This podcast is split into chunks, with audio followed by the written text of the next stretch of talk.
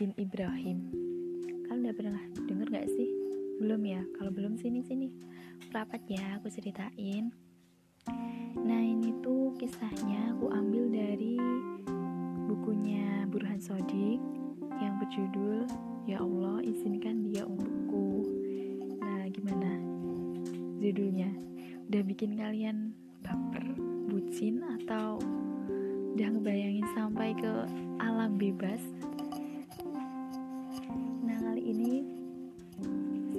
Kisahnya itu udah sering banget diceritain. Kalau pas lagi kajian atau nggak kajian sih secara umum sudah pernah diceritain karena emang ini udah umum gitu loh ceritanya. Kalau kalian penasaran langsung aja ya dengerin.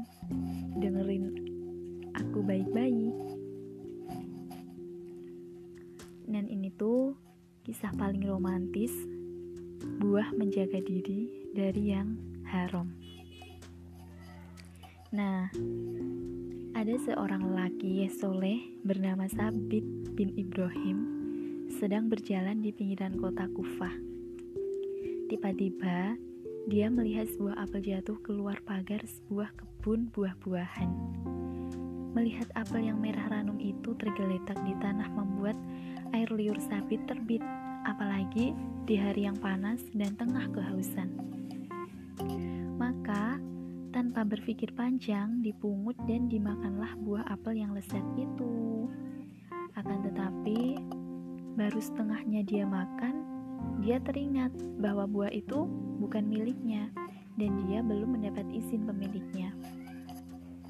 Maka bergegaslah tuh, dia segera pergi ke dalam kebun buah-buahan itu hendak menemui pemiliknya agar menghalalkan buah yang telah dimakannya. Lantas, di kebun itu dia bertemu dengan seorang lelaki. Maka langsung saja dia berkata, Aku sudah makan setengah dari buah apel ini. Aku berharap Anda menghalalkannya. Nah, orang itu menjawab, Aku bukan pemilik kebun ini. Aku pembantunya yang ditugaskan merawat dan mengurusi kebunnya. Ya, dengan nada menyesal, Sabit bertanya lagi, Di mana pemiliknya? Aku akan menemuinya dan minta agar dihalalkan apel yang telah kumakan ini. Lalu, pengurus kebun itu memberitahukan, apabila engkau ingin pergi ke sana, maka engkau harus menempuh perjalanan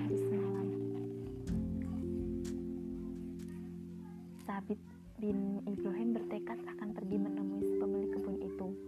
Katanya kepada ke orang tua itu, tidak mengapa, aku akan tak pergi menemuinya meskipun rumahnya jauh. Karena aku telah memakan apel yang tidak halal bagiku tanpa seizin pemiliknya. Dan bukankah Rasulullah sudah memperingatkan kita lewat sabdanya, siapa yang tubuhnya tumbuh dari yang haram, maka dia lebih layak menjadi umpan api neraka.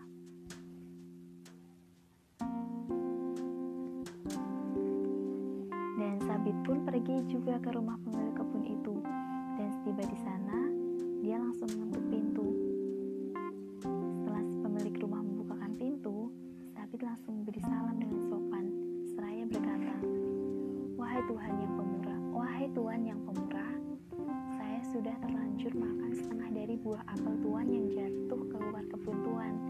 Karena itu, maukah Tuhan menghalalkan apa yang sudah kumakan? Lelaki tua yang ada di hadapan Sabit mengamatinya dengan cermat.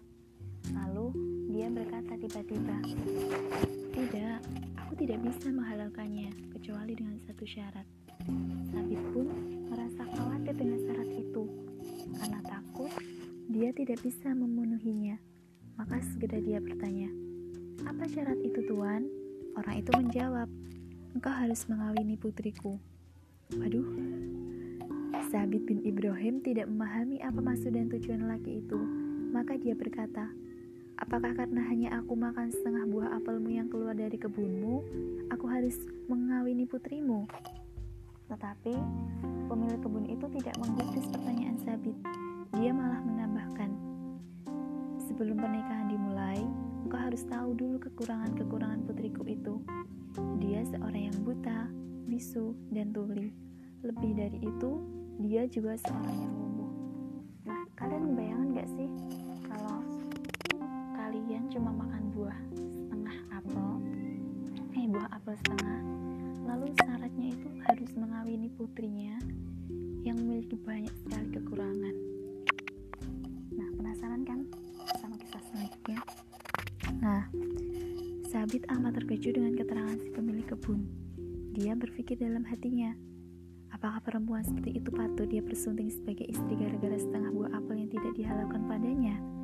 Kemudian, pemilik kebun itu menyatakan lagi, selain syarat itu, aku tidak bisa menghalalkan apa yang telah kau makan. Namun Sabit kemudian menjawab dengan mantap, aku akan menerima pinangannya dan perkawinannya. Aku telah bertekad akan mengadakan transaksi dengan Allah Rabbul Alamin. Untuk itu, aku akan memenuhi kewajiban-kewajiban dan hak-hakku kepadanya karena aku akan karena aku amat berharap Allah selalu meridhoiku dan mudah-mudahan aku dapat meningkatkan kebaikan-kebaikanku di sisi Allah Ta'ala. Maka pernikahan pun dilaksanakan. Pemilik kebun itu menghadirkan dua saksi yang akan menyaksikan akad nikah mereka. Dan sesudah perkawinan usai, Dipersilahkan masuk menemui istrinya. Ding ding ding. Sewaktu Sabi hendak masuk kamar pengantin, dia berpikir akan tetap mengucapkan salam walaupun istrinya tuli dan bisu. Karena bukankah malaikat Allah yang berkeliaran dalam rumahnya tentu tidak tuli dan bisu juga? Maka dia pun mengucapkan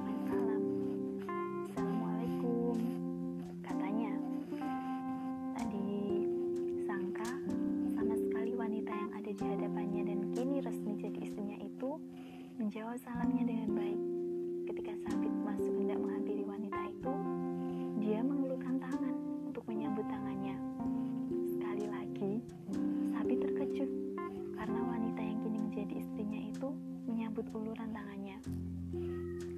Sabit sempat terhentak menyaksikan kenyataan ini.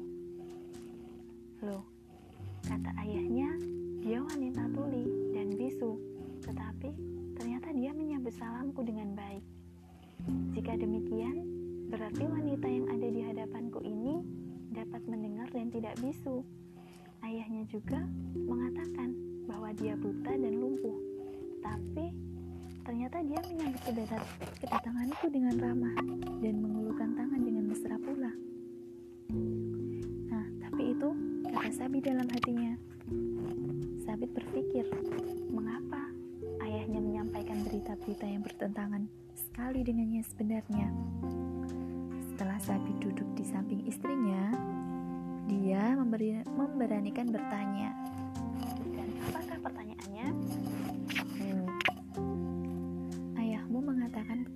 Bahwa engkau buta. Mengapa? Wanita itu kemudian berkata, Ayahku benar, karena aku tidak pernah melihat apa-apa yang diharamkan oleh Allah. Sabit bertanya lagi, Ayahmu juga mengatakan bahwa engkau tuli? Mengapa? Wanita itu menjawab, Ayahku benar, karena aku tidak pernah mau mendengar berita dan cerita orang yang tidak membuat Allah ridho. Ayahku juga mengatakan kepadamu bahwa aku bisu dan lumpuh bukan? Tanya wanita itu kepada Sabit yang kini sah menjadi suaminya. Sabit mengangguk perlahan mengiyakan pertanyaan istrinya. Selanjutnya, wanita itu berkata, Aku dikatakan bisu, karena dalam banyak hal, aku hanya menggunakan lidahku untuk menyebut asma Allah Ta'ala saja.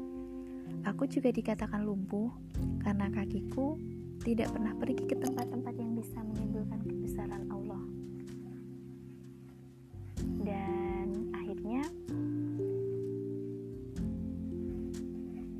Sabit amat bahagia mendapatkan istri yang ternyata amat soleh dan wanita yang memelihara dirinya dan wanita tercantik.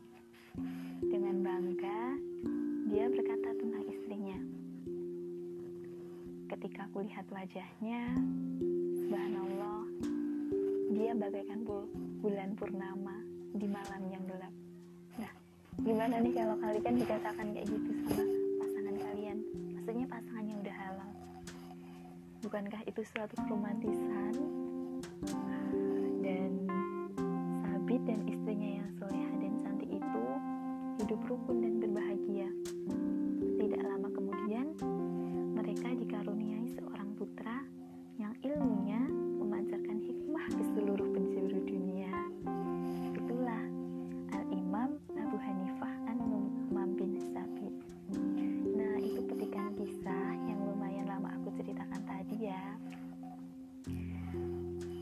mungkin pemaknaannya seperti itu.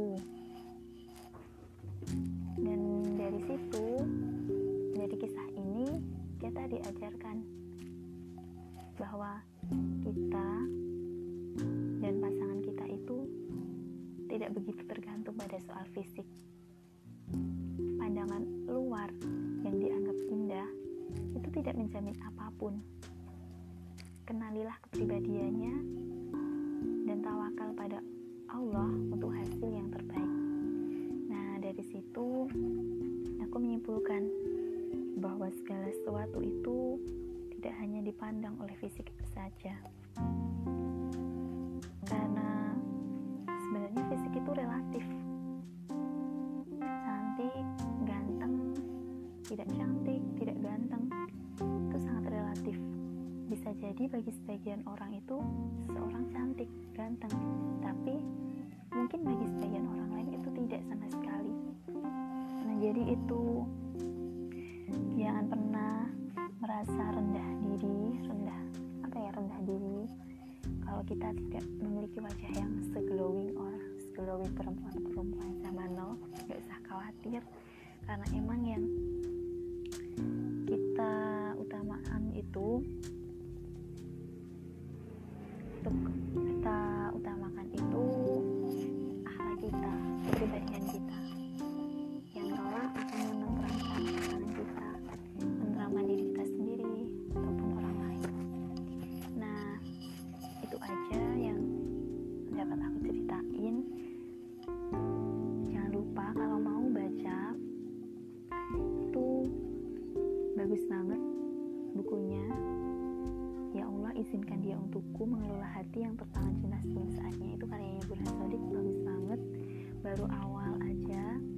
dari judulnya udah menarik apalagi isi-isinya.